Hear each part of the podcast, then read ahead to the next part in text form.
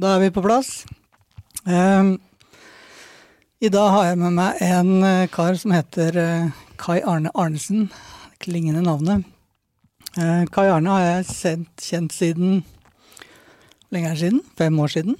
Ja, det må begynne å bli Fem-seks år? Seks år, tenker jeg. Mm.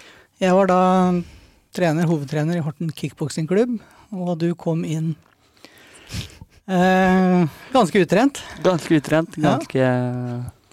Ganske rulten, rett og slett. og um, du hadde ambisjoner om å gjøre det bra i kickboksing. Ja. Når du kom inn da, så veide du Jeg veide vel Jeg maksa vel på 100 og Ja, nesten 108, tenker jeg. 180 kilo. Ja. Rundt 120-108. Så det var mye mann.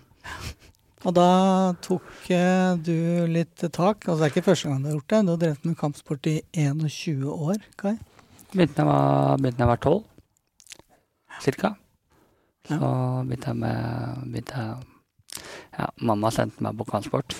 Uh, liten gutt med lite kjørtelett. Så mm. var det greit å så ja, bli tvinga ned dit. Og etter det så forlot jeg vel egentlig aldri stedet helt. Nei. Du kjempa deg ned til 75 kilo i løpet av Ni måneder, tror jeg. Ni måneder? Ja. Jeg må si jeg var ærlig, jeg trodde det skulle ta lengre tid. Men i løpet av de ni månedene så kom du ned til 75 kilo. Du var topptrent. Jeg husker jeg ble så imponert over deg da. Ja. Du deltok i norgescupstevnet ja. i kickboksing, og du vant. Ja. Tok gull. Da imponerte du meg stort. Ja. Nei, det var, det var gøy. Og det var jo De skal ha mye av æren uh, for det. Så det, det, er jo resten av Horten kickboksing. Mm. Så Nei, det var veldig artig. Altså. Det er en av de bedre minnene jeg har. Det er et av de bedre minnene jeg har også, fra, fra den tida. Um, det imponerte meg stort da, og du viste en evne til å på en måte ta ordentlig tak i deg sjøl. Du, ja, du gjorde liksom alt som skulle til, og du gjorde det i løpet av rekordtid. Og du uh, tok gull. Ja. Du har gått noen kamper. Uh, du har uh, vært med i norgescuper, du har vært med i Irish Open, du har vært med i Danish Open. Ja. Det har gått en del tøffe kamper. Ja. Um, men for uh, ca. to år siden så fikk du en beskjed som sendte deg ut på en kamp som du kanskje er ditt livs tøffeste kamp. Ja, jeg vil si at det er en, det er en litt uh, annerledes kamp. Litt hardere kamp, kanskje enn et maraton, ikke en to ganger to-runde. Mm. Um, jeg begynte å slite ordentlig for to år siden med ja, rett og slett med å gå på do, da. Mm. Uh, og så blei det egentlig bare verre. Og den har vi 2019. Altså juni 2017, da. Så Mm. fikk jeg da diagnosen uh, tarmkreft med, med fjernspredning til lever. Um, og som da også viste seg å ha vært i lungene, da, sånn etter hvert. Det tok litt tid før vi fant ut, men det er jo den, det som sitter mest igjen. Det er lungene. Um, ja, det var, ja, det var Det var en spesiell start på den sommeren.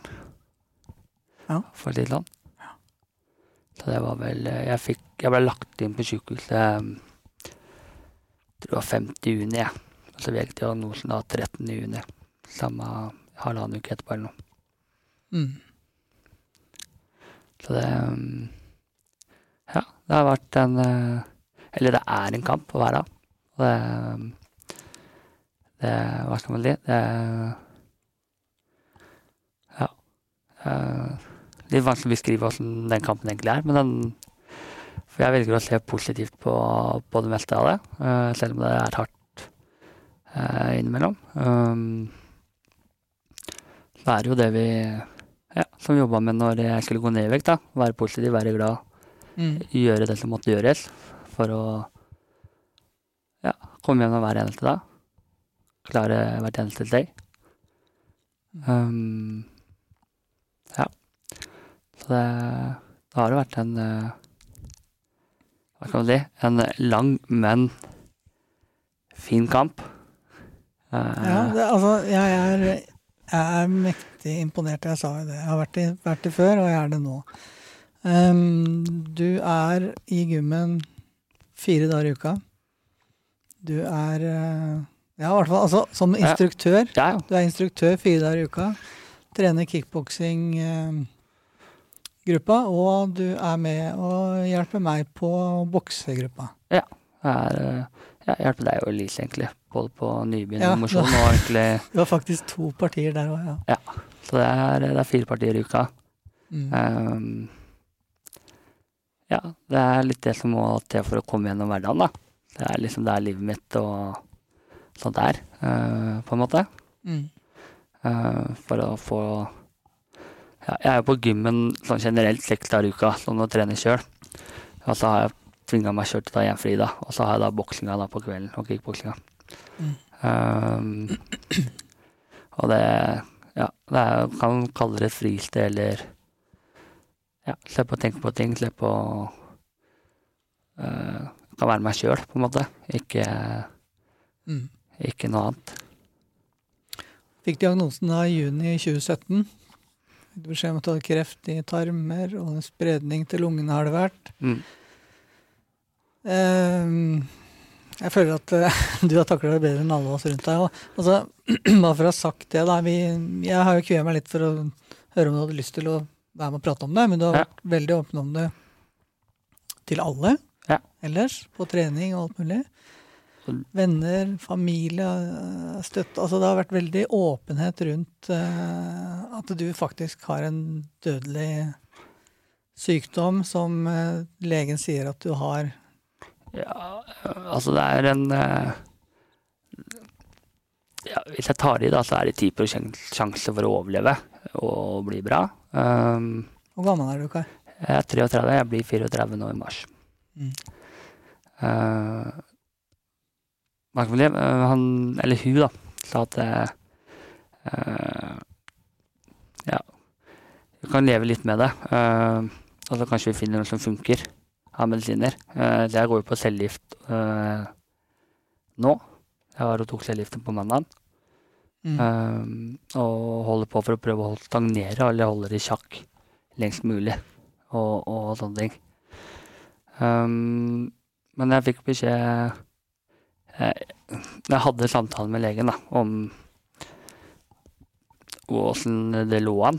Um, så fikk jeg beskjed om å prioritere tida mi. Mm. Eh, og det er en ganske tøff bikkje å få. Uh, Sannsynligheten for at jeg blir frisk, var eh, er veldig liten, uh, som hun sa. Og så fikk jeg beskjed om å prioritere det jeg gjorde uh, i hverdagen.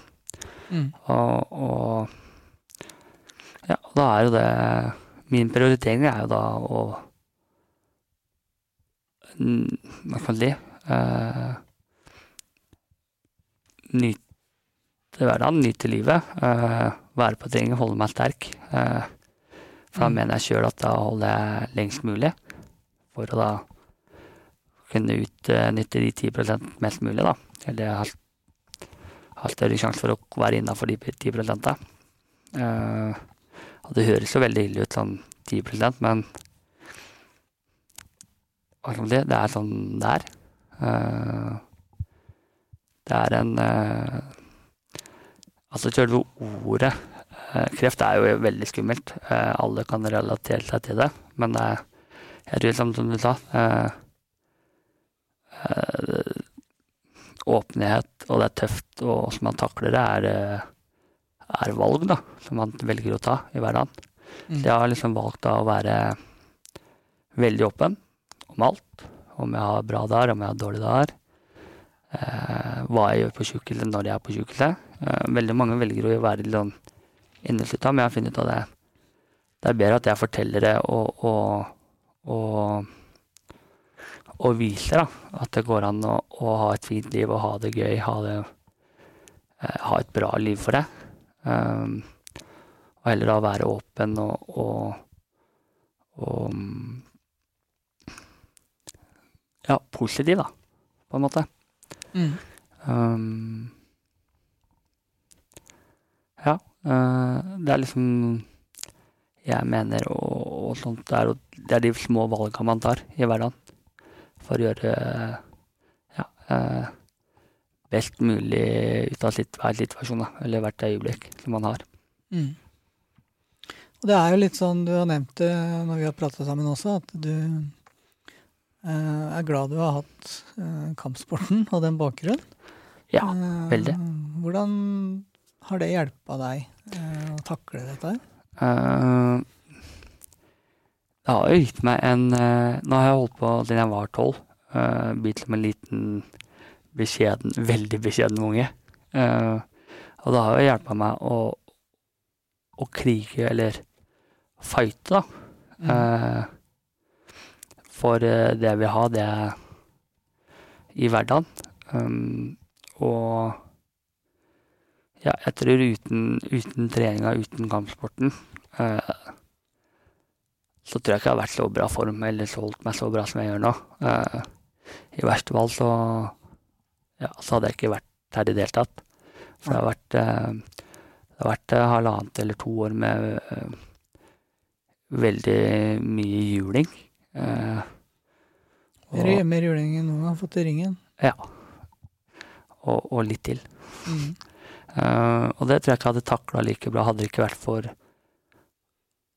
at jeg kom inn i, i sykdomsbildet godt trent og sterk, eh, og har klart å holde det eh, relativt ved like, da. Og samtidig holde Være vant til å presse meg, være vant til å se positivt på ting, være vant til å å, og rett og slett fighte. Mm. Om det er mot meg sjøl, sånn som nå, eller om det er mot andre, eller Ja, rett og slett. Så det mm, Hva skal man si? Det jeg, jeg tror ikke jeg hadde vært i live ennå, hadde ikke vært for eh, at jeg begynte med kampsport da jeg var liten. Rett og slett. Mm. Det, det har Jeg Tror det liksom har vært eh, utslagsgivende. Fortell litt om eh, altså Vi skal ikke bare prate om eh, sykdommen din, men fortell litt om eh, kampsport. Altså, du har vært borti Altså, Kickboksing har jo på en måte vært uh, idretten din siste åra. Jeg har vært i siste åra. Uh, Kickboksing er egentlig det jeg var dårligst i. Mm. Uh, jeg har drevet Jeg begynte på karate da jeg var uh, Shotokan karate da jeg var tolv. Og så utvikla klubben seg, utvikla miljøet seg, så det blei mer og mer jiu-jitsu. Og så har jeg vært innom da litt eh, judo, jeg har vært innom noe som heter Kali Karan. Um, og, og litt boksing og, og kickboksing. Så jeg har vært innom en del forskjellige ting, da. Og, og prøvd meg. Og ja, hatt eh, fått lekt meg litt med, med det meste, da. Mm. Innafor. Jeg har også trent en del karamaga. Um, og sånne ting. Og ja. Men nå de siste åra har det jo gått mer og mer over til kickboksing, da. Og nå det siste halvannet året her, vel med boksing. Mm. Det, var, det var litt interessant. Du har vært i Israel med Krav Magaen. Ja. Få høre litt om uh, hva, hva var det for noe? Altså Kramaga er jo Fortell hva det Maga er først, da, for de som ikke vet det. Kramaga er et eh, israelsk eh, Kall det sjølforsvar, eller eh, eh, Det er en kampsport, da. Eller det er ikke en sport, på en måte. Det er en eh, Hva kan man kalle det? Eh, en eh, Teknisk sett en livsstil eh, for de som driver med det. Mm. Eh, det er lagd av en som heter Aim, Aim Lichtenspiel eller et eller annet. Jeg husker ikke helt. Eh, på, for en del år siden. Eh, for at det israelske forsvaret skulle kunne bruke det og være kampdyktig i løpet av tre måneder. Det er liksom det som er hovedgreiene. Mm. Uh, og så hadde han Han hadde fem-seks hoved, hovedelever, da, som liksom har delt opp og lagd sine egne egne system og, og bygd dette her til å bli en internasjonal uh, greie. Mm. Så jeg var der nede i 2008 eller 2009, jeg er litt usikker. Uh, så var vi Ja, var vi litt uh, Vi reiste litt rundt, egentlig. Med, med et par kompiser. Som jeg, han ene er israeler, så det er derfor vi fikk lov å komme ned og trene med dem. Eh, så trente vi da ja, litt forskjellig i Kall det klubber, da. Eller med litt forskjellig master eller instruktør, eller Det er litt forskjellige navn på hva de kaller seg der nede. Mm. Eh, og så skal ikke de under stol at det var litt ferie òg inne i bildet her. det var Vi gikk ned eh, og skulle være knallharde og trene på stranda og bare Men jeg må innrømme at det blei tror det ble 50-50 med trening og ferie. Så Mm. det var eh, Det var en opplevelse. Um, veldig eh, Veldig fint land. Veldig spesielle folk, men veldig fine folk. Og, og de vi var med, det var ikke sånn veldig ja, Det blir litt sånn som nordmenn er i forhold til kristendommen. Mm. De er ikke super religiøse eller noe sånt der det heller. Så det blir veldig Det blir som å være eh, europeisk, europeisk land, bare Mm. de har fiender på alle kanter, og veldig mye av det dreier Og de, med de folka vi var, har dreid seg om å være um, i eh, Eller har vært i krig, da. Mm. Alle liksom Du må være to år i militæret, du har fine på du, du er liksom aktiv. Ja, det har jeg hørt litt om. Det militære regimet der er ganske strengt i forhold til førstegangstjenesten, for å si det sånn. Ja. Det, jeg ja, jeg var vel Når jeg var førstegangstjeneste, var jeg brannmann. Så jeg satt på en brannstasjon ute på Østfoldsida og hadde beina på bordet og spilte vafler i et år. Ja. Nei, det er tøffe, tøffe kår der dere i forhold til her. Altså, Hvordan er det med kampsporten der nede? De, Altså- er det, det, er, det er ikke konkurranseidrett, er det? Nei, det er det ikke. Eh, Det er en, det er en mer selvforsvarsgreie. Um, Jeg har hørt det er mer sånn drep, eh, lær å drepe-sak ja, for Forsvaret. Er det oppskrytt eller feil? Eller? Både ja og nei. Eh, Det greiene er å, å lære å være rett hele tida. Altså uansett hvem situasjonen du er i, så har du trent inn Har du trent inn um, um, teknikkene, seriene, reaksjonene så godt inn, da. Og det er såkalt godt drilla inn. At Mm. du uh, reagerer uh, spontant, blir rektor, spontant, og, og kommer deg ut. Uh, selvforsvarsdelen er jo uh, forsvare, slå på ganger, stikka. Mm. Militære delen er jo da litt mer brutal. Det er veldig mye Veldig mye pistoler, veldig mye kniver. Eh, så vi trente jo med det når vi var her nede. Eh, bare for å ha gjort det, egentlig. Mm. Eh, og det var var en litt annen innstilling enn når du trener med våpen her i Norge, da. For her nede så er det reelt Mm. på en helt annen måte. Um, det var Det var en opplevelse, rett og slett. Det var veldig gøy. Mm.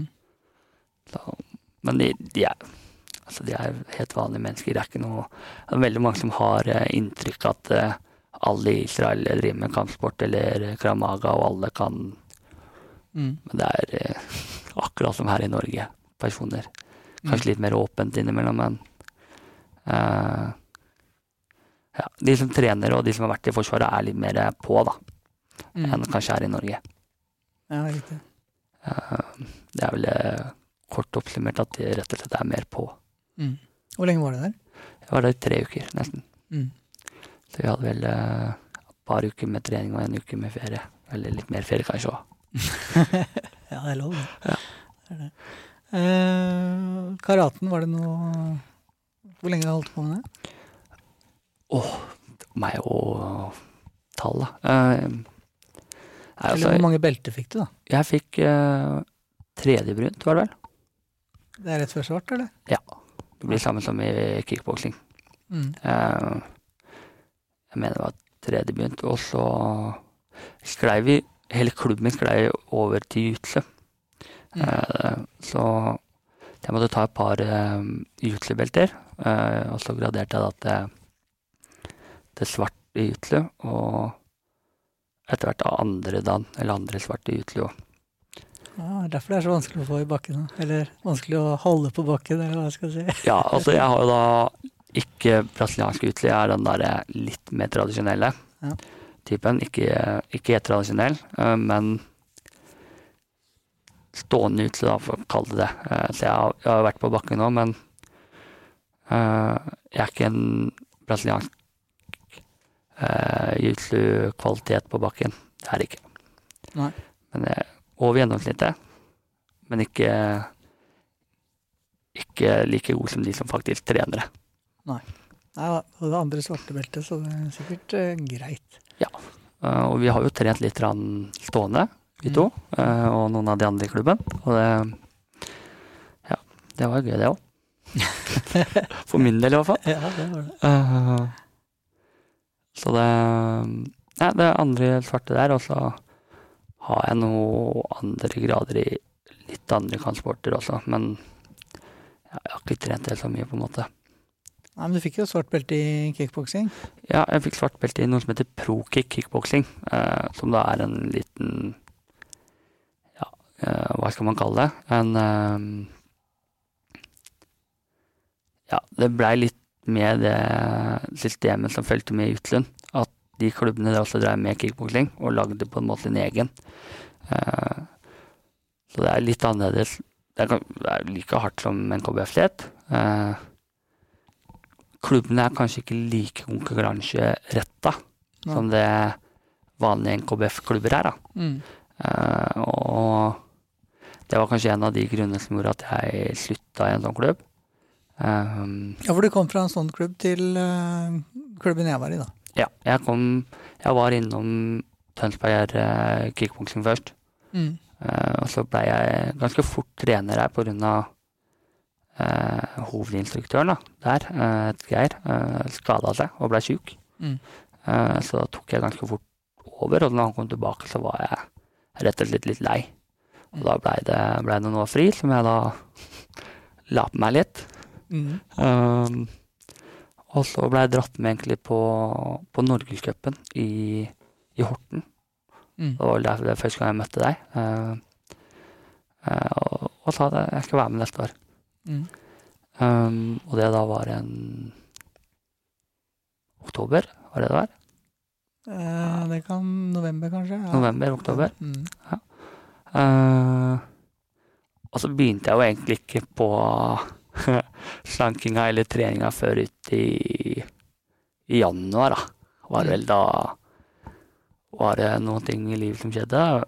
Brått singel, og da blei det brått mye trening. Mm. Um, og da blei det 35-36 kilo på ni måneder. Hvordan klarte du det? Nei, hva er det jeg pleier å si sånn for gøy? Jeg ble mobba ned vekt av dere. Altså, ja da. En pen mobbing, da. Ja, en pen mobbing, Ja. mobbing med En kjærlighet. opp- oppmuntrende Ja. mobbing. Ja, mobbing med kjærlighet, pleier jeg å si. Mm. Ja, eh, jeg fikk veldig bra støtte av deg, eh, Cato, Christian, eh, kompiser da, som Mm. hjalp meg ned og trente med meg, pressa meg. Og så er jeg jo over gjennomsnittet glad i å presse meg sjøl, Mm. som egentlig ja, skinner gjennom i alt jeg gjør. Um, Og det gjør det jo nå, da. Med snakker på kreften, litt tilbake til det igjen. Så, så har du vært uh, sterk der uh, hele veien, altså. Uh, det, jeg får si det igjen, det, det imponerer meg som person og som idrettsutøver. Og som trener.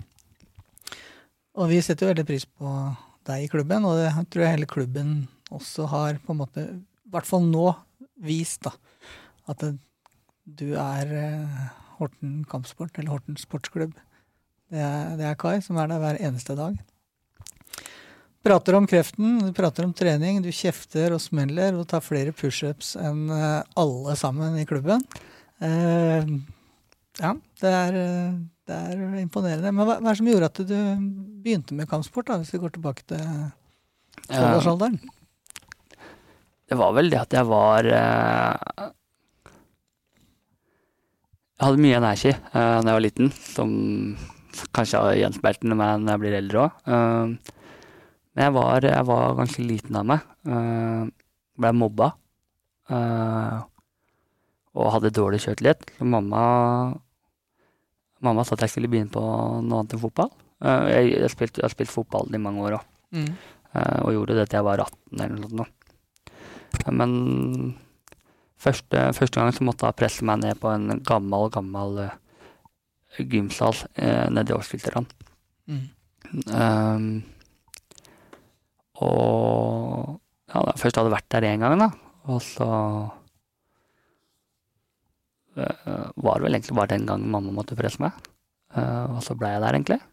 Mm. Um, og ja, det utvikla seg ganske fort å bli noe jeg ordentlig eh, satsa på og ville gjøre, da. Eh, og det har vel egentlig livet dreid seg veldig mye om i fra den gangen, egentlig. Mm. Um, men det, det begynte med rett og slett at jeg var Ja, jeg har hatt eh, Jeg har noe som heter leppe-nese-ganespalte. Uh, og da blir du ja, Har liten talefeil, har uh, litt flat nese, har vært mellom mange operasjoner som liten. Uh, og da blir du lett plukka på. Um, og ja, det var vel egentlig det som gjorde det at mamma ville at jeg skulle få litt bedre kjørt da. Få Mm. noe som kunne motivere meg til å faktisk tørre å stå opp litt for meg sjøl og, og sånne ting. Så ja, det er bare å takke mamma, det. Bare som alt annet her i livet. Det er ingen som mobber deg nå, eller? Det går ganske greit. Ja, jeg skjønner det. det. Men det har jo det, har noe med, det er ikke bare at du er skummel og driver med kampsport, men det har noe Nei. med selvtillit å gjøre òg. Ja. Og det er jo det alt egentlig bønder i, tror jeg. Mm. Um, og det gjelder både kampsporten, det gjelder livet, det gjelder sykdommen. Eh, At jeg har kjørt litt nok og tro nok da, på at jeg klarer at ja, man, man er bra nok og man er sterk nok til å gjøre ting. Mm. Uh, ja. Så det, det, var, det var sånn det starta. Hadde jeg en uh, instruktør da, som fulgte meg sikkert i ja, 10-15 år, tenker jeg. Samme instruktøren, egentlig uh, fra da. eh, Morten Wennek. Um, Blei liksom sånn eh, bonuspappa. Mm. Eh, og da, ja Det blei det. Følte han. Vi hadde klubben sammen etter hvert. Trente i mange år sammen. Mm. Var det Tønsberg, var det ikke det? Jo, det begynte i Åsfiltran, og så flytta vi, flytta vi litt rundt i Tønsberg etter hvert. Uh, så vi hadde tre-fire forskjellige lokaler i Tønsberg til slutt, uh, Mm. som vi hadde vært innom, da. Som kanskje, ja, på både godt og vondt uh, i forhold til klubben. Og så ble det litt uh, uenigheter og sånt, da, som gjorde at man uh, fant ut at det ble egentlig litt nok. Kanskje man pressa det litt langt uh, personlig og, og litt sånne ting. Og så litt uenigheter. Så ble det brått stopp, egentlig. Mm. Jeg slutta vel egentlig i den klubben på dagen. Uh, på grunn av litt uenigheter. Angrer på det i etterkant, men det er sånn det er. Mm. Jeg er veldig glad for at du kom til Horten. da. Jeg òg, egentlig. Mm. Koser meg. Det er veldig fin og jovial klubb. Mm. Det er eh, både med utøvere og instruktører, egentlig. Mm. Bra. Det er eh, Altså, kampsporterfaringa ligger der, men det er jo Det er jo Sånn som livet er nå, så er du Hva var det femte kuren på cellegift? Um, eh, ja, det er vel kanskje sjette, sjette tror jeg. Ja, er, er du på cellegift nå, eller? Jeg, er på cellegift- jeg tok cellegift på Eller jeg går på tabletter nå, og så har jeg intravenøst hver tredje uke. Jeg fikk cellegift på mandag, Mm. Så eh, det, det, jeg fikk cellegift i går, rett og slett. Mm. Uh, Var på trening i dag. ja. ja jeg var for så vidt på trening i går òg. Man blir litt sliten, man sover litt ekstra. Hva er det, hva er det å gjør med kroppen? Nei, Hvordan eh, opplever du det? eh, den jeg går på nå, er eh, ganske rolig. Mm. Men du blir veldig sliten. Den angriper jo alt av celler i hele kroppen. Mm. Men de vanlige cellene, da, de regenererer seg mye kjappere enn kreftceller. Altså det gjør at da kreftcellen ikke klarer å hente seg inn like bra. Mm. Um, og ja, som sagt, den jeg går på nå, er litt øh, er ikke så sterk, så hard. Jeg har gått på noen veldig harde kurer. Uh, Ja, var det til å begynne med, eller var det Ja. eh, jeg begynte jo når jeg fikk diagnosen. Så var det jo etter to uker så ble jeg operert første gang. Da, på grunn av det er tarmkreft, så hadde tarmen blitt ødelagt. mm. Så da la vi ut tarmen. Mm. Så da, altså stomioperasjon. Så jeg har stomi. Eh, og så begynte jeg da på cellegift. Etter en liten måned, for å la ting ro først. Eh, og så var det en leveroperasjon. Nei, først var det strål... Nei, det var leveroperasjon først, tror jeg. For å operere levera. Ja, for leveren kan du jo kutte av nesten hele leveren før den vokser ut igjen. Ja, du kan kutte 90% av leveren. Så samt det ikke er de store blodkara osv. Du må ta litt hensyn på det. Men den vokser ut igjen, så det er, jeg tror det er 90 det du kan ta bort. Og så gror den ut igjen. Mm. Uh, og så var det fem runder stråling. Ny operasjon eh, på tarm. Etter en, en måned, tenker jeg. Tok liksom. Eh, Hva gjør de da? da kappa du sjølve kreftsvulten, altså hovedsvulten, Mm. på tarmen. Så da kappa de eh, mesteparten av endetarmen og 20 cm av tykktarmen bort. Mm. Eh, og da er den sulten borte, hovedsulten. Eh, og så viste det seg at jeg hadde noen prikker på lungene. For du kom jo sånn eh, halvveis ut til dette her, og så sa du at nå var du nærmest eh, friskmeldt. Ja, det var det, var det vi trodde. Vi trodde de flekkene på lungene var noe Ja, for da skulle du tilbake én gang bare for en siste sjekk. Ja, For da Ja, jeg tok, jeg tok ny cellegift igjen etter, etter en uh, tarmoperasjon. Mm. Og så skulle jeg sjekkes da etter tre måneder. Uh, sånn full CT og MR. Mm. Uh, og så fant de ikke noe da på levra. Det er altså den holder levra, men de fant noen prikker da på lungene.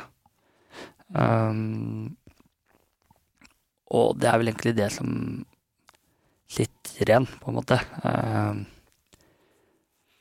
eh, jeg har, hara på begge lunger, eh, så da er det vanskelig å operere. Eh, så derfor har de ikke operert det. Eh, Så da, i etterkant av det, så har det egentlig vært ja, kontinuerlig cellegift. Eh, I I Det blir litt over et år, vel. Jeg har hatt noen måneder fri, og så har jeg gått på ny kur, og så noen måneder fri, og så ny kur. Det er jo Altså, det er jo først en nedtur å få dette her, så er det en opptur å få beskjed om at du nærmest er frisk. Og så får du den beskjeden om at det er spredning til eh, lunger. Ja. Um, hva tenkte du da? Altså, da Eh, det, det var en beskjed jeg egentlig forventa litt. Uh, og sånn sett så var jeg på en måte klar for det. Eh, for det altså, vi hadde Det var prikker på lungene. Uh, vi håpa kanskje det var noe arv fra noen gamle ribbeinsbrudd og litt sånne ting. Eh, og så var det liksom ikke så store, det var ikke så mange. Uh, så etter tre måneder, etter en tre måneders sjekk, så hadde den blitt større. Og da Ja, man blir Altså, ja, Når jeg går inn til legen, så er jeg veldig sånn følelsesløs akkurat når jeg går inn. Bare sånn for å klare å holde kontroll på ting. Um, men man får jo en veldig utladning etterpå, da. Uh, så hva jeg tenkte, var vel egentlig bare at uh, Ok, da må vi bare fortsette fighten. Uh, og bare kline til, rett og slett. Så da begynte jeg på cellegift uka etter jeg fikk den beskjeden. Og, og det funka egentlig ganske bra. Og de svultne, eller metastasen, krympa og sånne ting. Uh, og så og hadde jeg da noen Jeg, jeg hadde fire måneder på, og så hadde jeg tre måneder av på cellegift. Mm. Uh, og så hadde de vokst ganske masse igjen etter de tre månedene av. Uh, så da ja, da tok jeg egentlig samtalen med legen. Og fram til det så hadde jeg sånn OK, dette er ikke noe problem, dette klarer vi. Så hadde vi en samtale med legen og, om jeg kom til å bli kvitt dette. Mm. Eh, og svaret var nei, mm. rett og slett. Eh, og som vi snakka om i stad, eh, jeg har ikke noe tidsperspektiv. Jeg har, jeg har, vært veldig nøye på å ikke få det. Jeg vil ikke ha noen begrensninger på noe. Jeg vil ikke, jeg vil kunne planlegge som alle andre. Mm. Eh, så Det er et bevisst valg fra deg, det å ikke få vite ja. hvor lenge har jeg en uh, doktor? Ja. Uh, og så lenge man er i liv, så er det alltid håp. Og det er det de 10 prosentene på en måte er. Mm. Uh, plutselig så finner de noe som funker veldig bra mot det. Uh, plutselig finner de noe som kapsler inn, eller tar knekken på det helt. Mm. Og fram til det så får vi bare fighte videre og gjøre det beste ut av hver dag. Uh, som da egentlig er uh, Ja, er, er, litt av mottoet um, om dagen. ha Sette pris på hver dag. Sette pris på alt, egentlig. Som, mm. Om det er vondt, om det er godt, om det er gode samtaler, om det er en god trening, god mat. Altså uansett hvor lite det er, da, setter pris på det. Du blir, uh, blir veldig bevisst på å sette pris på ting, da. Mm. Og det er egentlig uh, Det er egentlig Hva skal man si? Uh, jeg er veldig takknemlig for, da. Mm. Oppi alt dette her. Uh, jeg har fått et helt nytt syn på livet. Uh, prioriteringer er helt annerledes. Uh, som på en måte så er jeg takknemlige for kreften. Um, på en rar måte. Uh, men den har gjort at jeg ser helt annerledes på, på ting. Uh, jeg har møtt veldig mange fine mennesker. Uh, og har mange fine stunder. og det, det, er veldig, det er veldig pris på. Jeg er veldig takknemlig for. Det er har man dårlige dager, da, som alle andre. Mm. Eh, kanskje litt oftere òg, egentlig. Men eh, det å ha kreft, å ha kreft her i Norge, med det støtteapparatet og sånt vi har rundt oss, eh, er Høres veldig rart ut. Det er ikke så ille. Det er veldig I hvert fall for meg som velger å se positivt på ting, være åpen, ærlig. Jeg har fått veldig bra støtte både fra sykehus, ekstremt bra støtte fra fra familie, venner. Uh, jeg har uh, De har vært helt suverene alle sammen, egentlig. Både på uh, sykehus, være med på ting, gjøre ting. treninga, alt sammen. Det har vært helt fantastisk, egentlig. Og du vel, velger å ikke, Det er kanskje ikke så annerledes forhold til hva det var før. Men jeg har et helt annet syn på det, da. Og mm. velger å, å, å bare altså være med mamma, da. Og på en, ta en lunsj med mamma. Hvor mye du setter pris på det i forhold. Eller med venner. Det, plutselig blir ringt av en kompis og tar dere en kaffe, eller et eller annet sånt noe. Det, man setter, setter pris på det på en helt annen måte, og mye mer. Mange som har mye å lære av det. Det er vanskelig å kreve det ja. på en måte, når du ikke har vært oppi det sjøl, sikkert. Men uh, Jeg håper folk uh, hører på dette her og tar litt lærdom av uh, innstilling til utfordringer. Enten det er kreft eller andre ting. Ja. Da er det forskjellige grader av Altså man, måten man skal reagere på, Ja. og hva man skal legge vekt på. eh, man tar Man må Man må velge hvordan man vil se på ting. Jeg husker du sa til meg rett etter at du fikk det. Jeg blei jo lei meg, eh, selvfølgelig. Um, men du sa det da at eh, Nei, nå skal jeg Det er akkurat som du hadde bestemt det. Jeg skal uh, stå på som vanlig. Og jeg skal være positiv.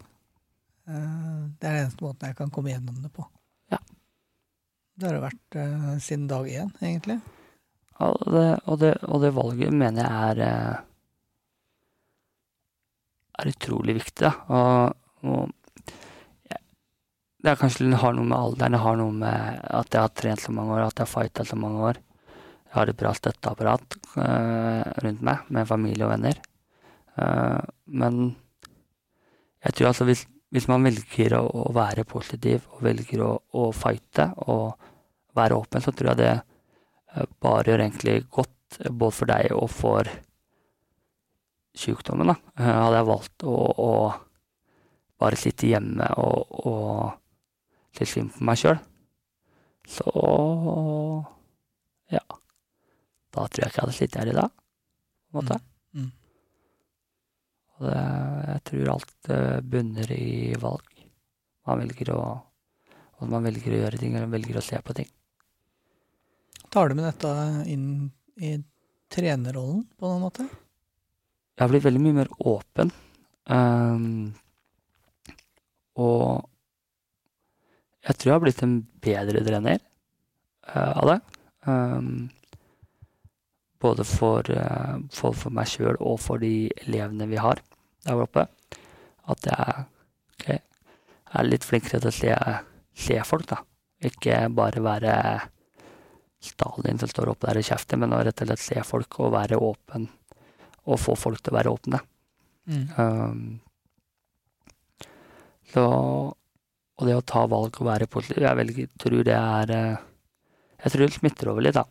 Uh, Ja, for du har jo eksempler eh, som Du sier eh, Noen begynner å klage over noen pushups eller et eller annet, og så er det Hallo, jeg har kreft. Jeg klarer det til og med. Da må du klare det. ja. Øh, det kan jo Det kan jo kanskje være litt slemt å, å, å si det sånn. Uh, Pushups er jo en av mine sterke sider. Du skal være ærlig på det. Uh, og jeg syns det er gøy å, å presse meg, om jeg er sjuk eller ikke. Eh, Men du tar det med, det er ikke noe sånn at du, du tar det med inn i treninga, Ja. si det sånn. ja, og så er det litt gøy og spøke litt med det, og du har liksom den innstillinga. Og folk kan også spøke. Altså det er jo Hva kaller du sånn humor? Eh, Ja, altså litt um, Litt svart humor, eller hva skal jeg kalle det? Uh, Hva er det det heter igjen, da? Uh, litt uh, galge, galgenhumor. Galgenhumor, ja. Ja. Riktig. Altså, nå er jo venner og, og familie og meg, de er jo Ja, vi er over gjennomsnittet åpent, og det er, ikke, det er veldig ofte man får en Æ, har det å tape, eller Mm. vi står allikevel med hele beinet i grava, det er ikke noe Vi drar den ganske langt innimellom. Uh, Mm. og jeg bruker jo den også mye på trening sånn Hvis vi sparer litt og, og har det gøy og får litt smil og sånne ting, at det skriker ut at nå slo du meg kreften og litt sånne ting. Og det, jeg skjønner jo at det kanskje kan virke veldig skal skremmende, skummelt for noen. Eh, men oppe i klubben hos oss så er det jo veldig Jeg har vært veldig åpen på det, eh, og vi har det veldig gøy med det. Mm. Eh, og det, jeg tror det er bedre at det, at det er det enn å ja, sitte der og, og være i dårlig humør og ikke prate om det og sånne ting. Mm. Og det Jeg, jeg, tror, jeg tror Jeg håper da eh, at det hjelper å se folk at det Ok, det er lov å ha dårlig der, det er lov å ha bra dager, eh, men vi kommer gjennom dette. Eh, og, og viktigst er å ikke gi opp. Mm. Så det, og det virker som eh, Ja. eh, det virker som det smitter over på noen. Eh, jeg håper det smitter over på noen. Det er ingen som går og syns synd på det heller. Det har noe med innstillinga di å gjøre. Altså, Vi snakka litt om det også, at eh, ok, vi vet det. Vi, du er der, og du trener, og du er Kai hver eneste dag. eh, på godt og vondt. Ja. Du står og kjefter og smeller, du hyller og skriker, og du har galgenhumor i tillegg. Ja. Um, og hadde ikke du tatt det valget sjøl, så hadde det nok vært mye vanskeligere for oss andre der oppe òg. Ja, det tror jeg. Mm. Eh, og det, det er jo derfor jeg har valgt å, å Jeg har ikke lyst å gjøre det vanskelig folk. Jeg kjenner den følelsen veldig godt. Uh, hatt bekjente som har dødd av kreft før, og den Den følelsen man kommer, da, eh, og møter dem på butikken, og nesten går rundt dem for du ikke orker eller tør å prate med folk. Mm. Eh, den har ikke jeg lyst til at folk skal oppleve. For jeg veit at det er skummelt, men da er det bedre at jeg er åpen og ærlig, eh, så folk ikke føler at de må gå en annen vei på butikken. Da. For jeg, eh, jeg gjorde det sjøl. Jeg syntes det var dritskummelt. Det var en jeg husker godt, det var faren til en kompis som døde av det. Og mora jobba på butikken. Og jeg sto i ferskvaren, og jeg klarte ikke å gå opp dit den veien. Jeg måtte gå andre veier. Mm. Uh, og det, jeg vil ikke at folk skal føle sånn. Uh, jeg skjønner at folk føler sånn, uh, for jeg har gjort det sjøl. Men det er, da er det bedre at jeg heller er åpen med det. Hadde jeg vært ikke, litt underslutta, sånn, så er det vanskelig å bli folk nysgjerrige, og så går tør ikke å spørre. Og så. Da er det bedre at de bare kan komme, de kan spørre. Mm. Eh, meg, da. Uh, det er kanskje litt vanskeligere for mamma. Det er Mm. vel verre for henne enn for meg, på en måte. Uh, bare å gå på butikken. Nå har hun vært, vært dårlig kjørt ganske lenge, med litt andre sykdommer. Men man blir litt Man blir veldig følsom når man går i, i og har hatt mye motgang. Mm. Og det merker For meg som er veldig Jeg tror det er lettere for meg å ha kreft enn for, for de rundt meg at jeg har kreft. Mm. Eh, for det første er jeg veldig godt eh, opplyst på hva ting er, og hvordan ting funker. Eh, og så veit jeg åssen jeg har det sjøl. Det er ikke uh, søstera mi, broren min, mammaen min, pappaen min. Eh, de veit jo ikke åssen alt dette her funker, eller åssen alt er. Eh, så mamma har eh, mer enn én en gang stoppa å grine på butikken fordi folk bare har spurt. Mm. Eh, både på godt og vondt. Det er ikke sånn at du griner sånn hulker og sånt, men det kommer tårer og setter pris på å bli spurt. Setter pris på å bli brydd av noen bryr seg. Men og, det er jo derfor vi har valgt å være åpne, for at folk skal kunne tørre å spørre. Mm. Eh, mamma har eh, ja, Mamma har kanskje vært litt flinkere enn det jeg har til og lagt ut oppdateringer eh, på åssen det har ligget an, og hvis det har vært noe. Eh, så har jeg gjort det ny og ned. Så folk skal slippe å gå rundt og lure, eller Mm. ikke tørre å spørre meg, eller ikke tørre å ta en prat, eller eh, og sånne ting. Mm. Så det mm, Ja, det er, det er akkurat de tinga der er litt vanskelige for folk rundt. Er Vanskeligere for dere enn det er for meg, Mm. på en måte. Um, ja. Det er, det er veldig spesielle omstendigheter når det på det. Mm. Da blir det litt på den. Ellers da, Kai? Hva er planene fremover? Planene fremover. Uh, jeg har meldt meg på halvmaraton. Har du det? Ja. Hvor er, hvor er det? I Dubrovnik i april. uh, akkurat nå så klarer jeg å løpe en kilometer, nesten. Ja. Eh, jeg har slitt litt med blodpropper i beina, som gjør at jeg kanskje må velge å ta en fem kilometer heller. Eh, men planene framover er jo da Ja, det er halvmaraton i april. Uh, altså nå, nå snakker jeg først og fremst treningsmessig. Mm. Uh, og så er det Er det um, Navy Race Navy Race i Horten. i Horten. Mm. Uh, ikke helt min plan. Nei. Ble meldt på av storesøstera mi. Uh, uh, hun har lagd Det med løping og sånne ting vi har, Søstera mi har uh, lagd et, uh, et løpelag i, i mitt navn.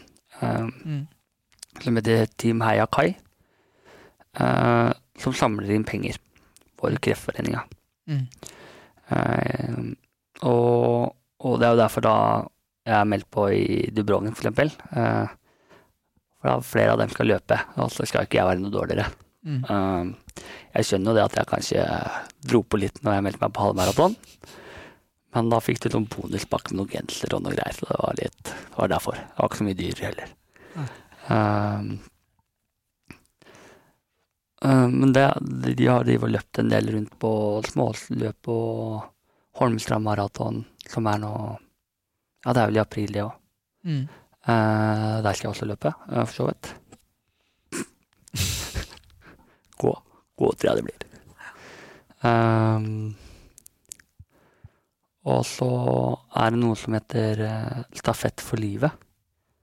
eh, I Åh, Når er det? Jeg tror akkurat etter sommeren, jeg. Eh, om det er august eller september. Jeg husker ikke helt. Men der har uh, hun, eller laget, da, Mm. ikke meg. Um, mål om å samle inn 75 000 til Mm. Kreftforeninga. Ja. Uh, I fjor så samla de inn 50 Mm. på den, den helga. Uh, og i år er da målet 75, fordi de, vi klarte 50 med ganske helt OK margin. Altså vi var på 55 000 eller noe sånt. Mm. Og det er da et uh, 24 timers løp. som bare noen fra laget må være på banen hele tida. Mm. Vi løp 1000 og et eller annet runder i fjor. Jeg hadde vel fem, kanskje. uh, da var jeg akkurat ferdig med en ganske heavy kur på cellegift, men vi prøvde. Mm. Uh, men ja, jeg tror laget vårt jeg, løpte 1060 runder eller noe på 24 timer. Mm. Og det er da Jeg lurer på hver runde var tre kilometer. Det er rundt den parken i Sandefjord. Mm. Uh, så jeg er litt usikker på hvor langt det var, men det var Det ble ganske mange kilometer til slutt. Og da var uh, ja, familie, venner, uh, bekjente av meg og, og min familie var der og løp. Og så hadde vi masse spons sponsorer og, og sånne ting. Og, Mm. Eh, så det var eh, veldig fint. Jeg, var der i, jeg var der i 24 timer. Jeg var våken jeg sov i ti minutter eller noe. Mm. Så vi satt på den båtbana der, og så hadde vi noen som løp hele tida. Så det var veldig, veldig fin ja, En fin opplevelse da, som jeg ikke hadde Mm. fått oppleve hadde ikke vært for, for sjukdommen. Er det jo sånn at eh, du var jo aldri noe flink til å løpe når du var frisk heller. Så Nei, Uh, det er ikke min sterke side. du har løpt mer nå enn før du ble sjuk. Uh, jeg, løper, jeg skal ikke skryte på at jeg løper så veldig mye nå heller. Eh, jeg har eh, eh, Kroppen fungerer ikke så bra på cellegift til å løpe, rett og slett.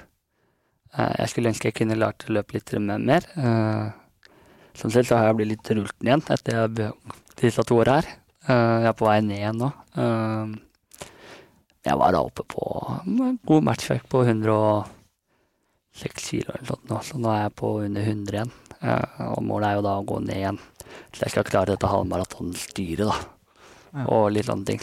Jeg husker du sa sjøl, da, galgenhumor, at Alle andre blir tynne når de får kreft. Jeg blir bare feitere. Ja, ja det var Det var, det var jo et av måla Eller målet blir meg Det var en av de tingene jeg så for meg da eh, da jeg fikk kreft, at jeg ble hårløs og tynn.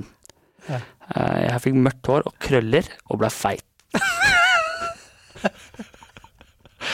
Eh, Men eh, nå har du fått hvitt hår. nå har jeg fått hvitt hår. Uh, Jeg trodde det var liksom Eminem-looken, Ja. men det var også grunn det er pga. cellegifta. cellegifta. Eh, jeg har gått på noen ganske sterke cellegifter uh, som gjør at jeg mister håret, som da er en av bivirkningene. Mm. Og så kødder dette såpass masse med DNA i kroppen, uh, med celler og sånne ting, at etter første gang Jeg har egentlig helt vanlig kommunegrått eller brunt hår. Mm. Um, første gang jeg mista håret, så fikk jeg mørkt hår og krøller etterpå.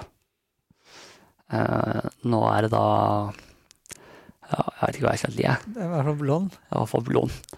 Uh, Kler det, da. ja, det, det er i hvert fall bedre enn mørkt hår og krøller.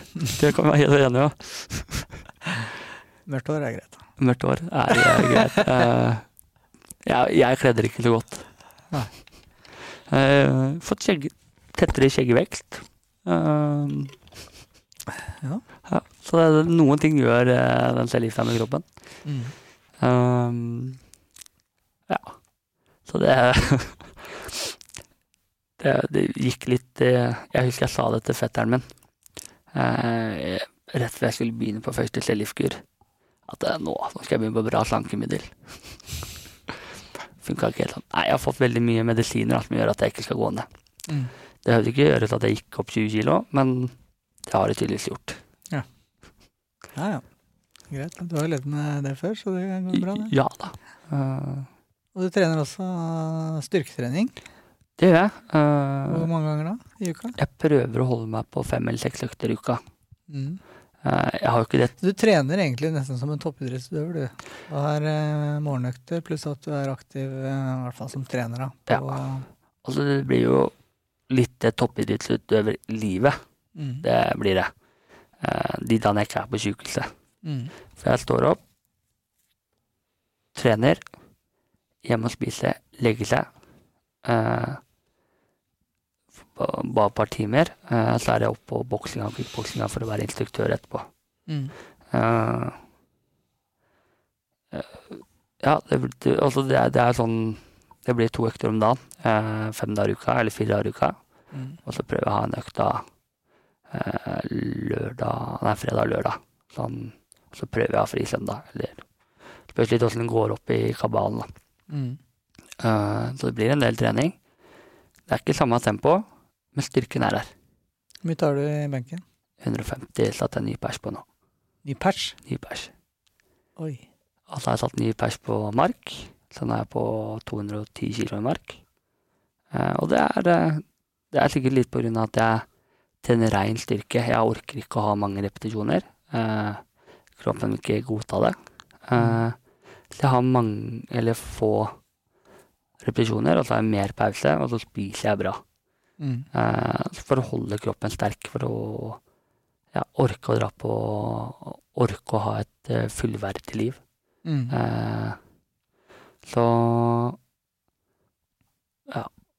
Overkroppsmessig så har jeg blitt uh, eh, sterkere. Beina klarer jeg ikke å trene pga.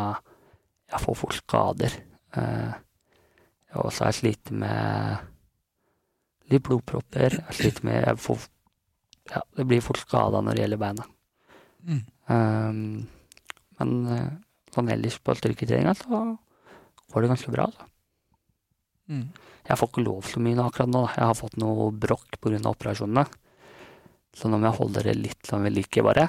Eh, I hvert fall på de, de øvelsene som er heter mest bukpress. Uh, så nå er det Ja, nå holder jeg litt igjen. At jeg ikke trenger å makse. Så,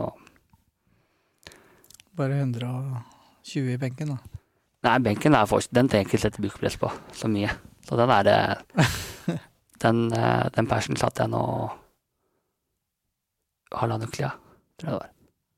Det er imponerende. Så det, men sånn som på Marco, da, som jeg holder litt igjen. Ja. Så der er det på 170-180. Og det er jeg veldig fornøyd Ikke med. Mm. Jeg er veldig fornøyd med. Men da har jeg i hvert fall kontroll over kroppen når jeg tripper og, Mm. og presser maks. Um, jeg gjør stort sett baseøvelser. Uh, for jeg orker ikke alle de små muskulaturene. Jeg blir så fort sliten. Jeg får så fort kramper og sånne ting. Mm. Um, så det er uh, Ja. Styrkemessig så holder han seg veldig bra. Og så Ja, alt over fem repetisjoner, da blir jeg sliten, altså. Mm. Så nå jeg har begynt å presse meg litt mer på det nå. At jeg er oppe på åtte, ni og ti repetisjoner Mm. per sett. eh, eller per um, runde. Og så ja, prøver jeg da å bygge meg opp igjen, da. Så jeg skal, skal klare å holde litt lenger, rett og slett. Ikke Mm. bare bli dritfort sliten. Mm. Det er bra. Det er viktig å holde seg i form uansett uh, hva man plages med i livet, for å si Ja. det sånn. Det gjør jo Du blir mentalt sterkere. eh, Mm. og, det, og kroppen er sterk, og da ja, det er litt lettere å eh, møte motgang. Mm. Om det er eh, kreft, om det er andre ting, om det er kjipt på jobben. Det er, Mm. føler man seg bra, så gjør man det bra, på en måte. Mm. Ja. Jobber du nå? Eh, det orker jeg ikke, dessverre. Nei. Eh, jeg kjenner jeg savner jobben, men jeg går på sånn arbeidsavklaringspenger. Så Mm. i hvert fall så lenge jeg er under behandling, og så får vi se hva som skjer etter hvert. Mm. Men akkurat nå så har jeg ikke, jeg har ikke overskudd til å, til å jobbe. Jeg må ha fokus på å, å trene og holde meg klar og sterk i behandlinga. Mm. Uh, og nå skal jeg ikke si at jeg er han supernazi på å Orker jeg ikke å trene ennå, fordi jeg er sliten pga. behandling, eller så trener jeg ikke den dagen. Mm. Og det har du også merka på trening, at det, det er noen ganger jeg ikke kommer fordi jeg rett og slett må sove, eller Mm. hatt en uh, ja, litt nærme kur, eller og, og sånne ting. At jeg, jeg blir fort sliten, da. Og, må kan, bruke lengre tid på å hente meg inn. Mm. Og jeg har prøvd å, å, å hjelpe litt til eh, eh, i noen timer, sånn på jobben eller med andre ting, da, med venner som holder på med noe oppussing eller noe. Og det, jeg holder i noen timer, og så er det, må jeg hjem og legge meg. Mm. Og det funker ikke i, i arbeidslivet. på en måte. Og det er ikke for meg som er utdanna rørlegger. Nei, det er vanskelig å ha en full arbeidsdag. Ja. Men du har i hvert fall det mm, viktige, og det er måten du tar vare på helsa di på. Ja, det er liksom det, er liksom det, det er hovedfokus da, om dagen. Mm. Um, Hva er det du, hvis vi tenker på kampsporten, hva er det du mm, er du, Følger du med? Er du ute og ser på? Reiser du rundt og sekunderer, eller drar på MMA-stevner, eller Eh, jeg skal nå på homecoming. Uh, Boksestevne til, uh, Lihaug? til Lihaug i Bergen. Skal du det, ja? Eh, så der skal meg og, og Det er en bursdag til meg sjøl, på en måte, å dra dit. Jeg har av venner som jeg har trent med eh, i Bergen. Eh, så vi reiser til dem, og så har vi en fin helg. Og så ser vi på dem og, og koser oss. Mm. Så er jeg litt på Jeg er litt på norgescupstevner og, og litt sånne ting når jeg er i nærheten. Mm. Jeg har ikke, har ikke så mye overskudd til å reise rundt. Um, men jeg har vært litt, rann, vært litt rann, uh, coach for noen andre utøvere. Eh, akkurat nå så har vi ikke hatt så mange utøvere i klubben. Eh, men har jeg en, har jeg en OK helg, eh, eller en bra helg, så orker jeg reise på de stedene som er i Oslo eller er i nærheten. da. Mm. Eh, så jeg prøver. Jeg fikk jo ikke vært med på et sist stevne med klubben, med boksinga. Da var det Ja, da hadde jeg vært tre uker på cellegift, så da var kroppen litt nedkjørt. Da måtte jeg stå over. Men jeg håper jeg kan være med. Mm. Ja. Vi skal vel egentlig ha kickboksingstevne i Oslo 9. mars, er det vel. Mm. Her er Norges Cup 2. Uh, og vi skal egentlig ha et par utøvere der, hvis de holder seg skadefri og friske. Mm. Da blir du med. Da blir jeg med. Da er det Ja, da coacher jeg iallfall én eller to av dem, og så Mm. Hans og så noen. Mm. Så kan se på boksing i Bergen, du. Se på boksing i Bergen, ja. Hvordan tror du det går da, med Lihaug? Jeg har ikke veldig mye kunnskap om motstanderen hans. Eh, jeg har ikke rekke satt, satt meg inn i det, egentlig. Ja. Eh, men jeg har trua på Lihaug, altså. Han, eh, Lihaug har jo kanskje vært en av, en av bokserne, proffbokserne som kanskje har hatt tøffest motstand, da. ja, han har liksom Han har jo fått litt å bryne seg på. Arthur Abraham prøvde seg til og med. Ja. Så Han har uh, han tar en fight. Ja, Han har baller til å stå der. Mm. Og det er gøy. Det, jeg fikk faktisk um, Jeg kjøpte meg et par T-skjorter eh, av Lihaug her for noen Det er vel et år siden. Mm. Da fikk jeg med full autograf og lykkeønskninger og sånne ting. Så han er veldig, virker som en veldig fin fyr. Ja. Og det, sånne fighter liker jeg. Som er litt sånn jordnære og Mm. og ålreite fyrer. Så jeg er veldig fan av ja, Nå er jeg veldig fan av de både uh, um, Hagen, Lihaug og, og, og Havna. Uh, det virker som uh, veldig jordnære og fine fyrer, og da syns jeg det er gøy å følge med på dem òg. Mm. Så jeg hadde egentlig håpa jeg skulle kunne For og går i helga, gjør det ikke? Jo, det er vel i Arendal nå Ja. til helga. Eh, så målet var jo egentlig å, å komme seg ned dit og få se på det, men. Det, denne medisinrunden her er litt uh, tøff. Så Mm. jeg vil heller se på den på, på nettet, tror jeg. Eller på TV-en. Mm. Så jeg tror det blir også en, eh, en, eh, en kul fight. Mm. Da er vi jo Vi må jo ønske at folk kommer og ser på proffbokserne våre. Ja. Eh, så en liten oppfordring der. Gå inn på Ticketmaster, og så kan kjøpe billetter til stevnet i Arendal med Havnå. Og på Sotra Arena med Lihaug. Ja. I, det er i slutten av mars, eh, er det vel. Øh, 23. mars, er det ikke? Jo. Med det. Og det. Jeg tror det blir gøy. Det jeg gleder meg. Har du sett noen andre proffstevner? Jeg har vært på Paradit eh, Brekkvill. Mm. I Spektrum, eller? Og så har jo vi vært i Danmark og sett Brekkehjul. Mm. Uh, og da så vi også Lihaug og og han andre bergenseren. Eller han uh, North Sea Defender, eller Simen Smådal. Smådal, ja. Han er ikke bergenser. Han er fra Ski. Ja, han er fra Ja. ja. Jeg kan ikke si at jeg huska Jeg bare tenkte på det var det, det kallenavnet, så tenkte jeg at det var det. Men det North Sea Defender. Så er det helt ærlig at jeg husker ikke helt hva det var. ja, stemmer, stemmer. Du tok den, da. Ja, Ja da. Men det var bra. Hva syns du om uh, boksinga i Norge? Altså, det har jo blitt uh, Det er jo på vei oppover. proff Ja. boksing i Norge. Eh, jeg syns jo det er veldig gøy. Uh, jeg skjønner jo de som har uh, Er motstandere, kaller motstandere av det. Men de er eh, De er så godt trente, de er såpass rutinerte, de har såpass bra team rundt seg, hele gjengen, Mm. at det Ja. Jeg syns det er veldig gøy og veldig øh, skal jeg si øh, Inspirerende for oss øh, vanlige boksere, da. Mm. Å se at det faktisk eh, At det går an. Nå har vi jo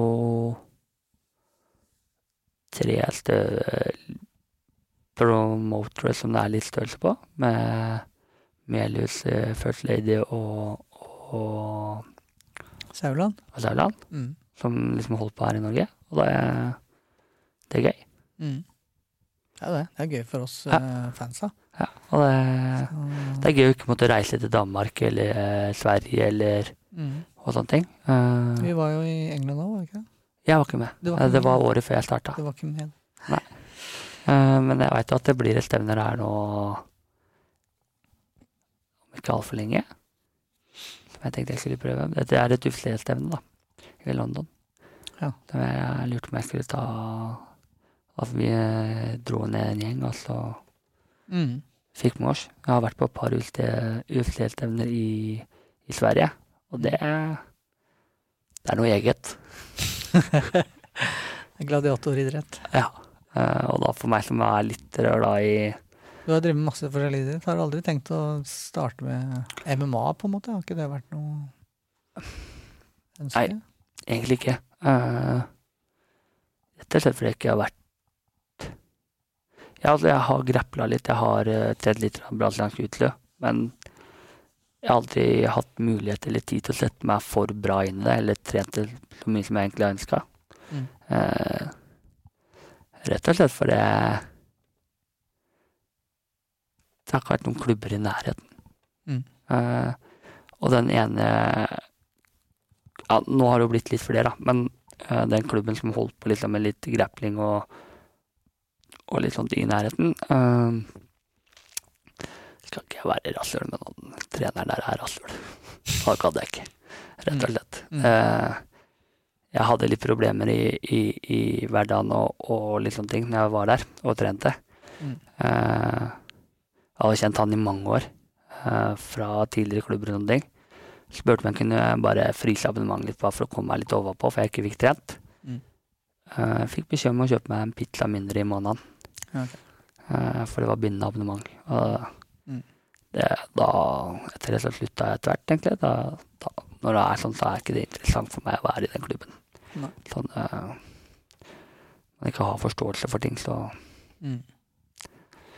Og det var vel egentlig den eneste klubben akkurat da da, som var med noe i nærheten. Så jeg måtte reise Mm. på over en halvtime, tre kvarter kjøring. Mm. Og det Så interessert var jeg ikke i denne grapplinga og MMA-delen. Ja. Eh, Jeg er interessert i sportdelen. Jeg syns kickboksing, boksing uh, med de reglene og sånt, er, det- er en fin måte å få det ut på. Mm. Så det, jeg er veldig glad i grappling og veldig glad i litt albuer og litt knær og, og sånne ting, men ja, det har ikke passa seg for meg sjøl i den uh, I den uh, livssituasjonen jeg har vært i de gangene det har vært muligheter. Mm. Vi er glad du kom eh, til kickboksingen i Horten, i hvert fall. Ja. Det er et, eh, jeg syns det er et eh, ja, Man forelsker seg litt i klubben med en gang man starta der. Og, Mm. da, og sånn har det blitt. Og jeg er fortsatt eh, nesten nyforelska i klubben, så da blir man der, da. det er vi veldig glad for. Hei, Kai. Eh, tusen takk for eh, praten. Og takk for at du er så åpen og ærlig og nesten oppmuntrende på, for, med sjukdommen din. Ja. Eh, setter et bilde på det som eh, jeg tror mange har eh, godt av å høre og se du har. Ja. Så ønsker jeg deg lykke til med det og idretten. Tusen takk. Tusen takk. Uh, igjen, det imponerer meg stort. Takk, takk. Tusen takk for praten, Kai. Til takk, Kenneth.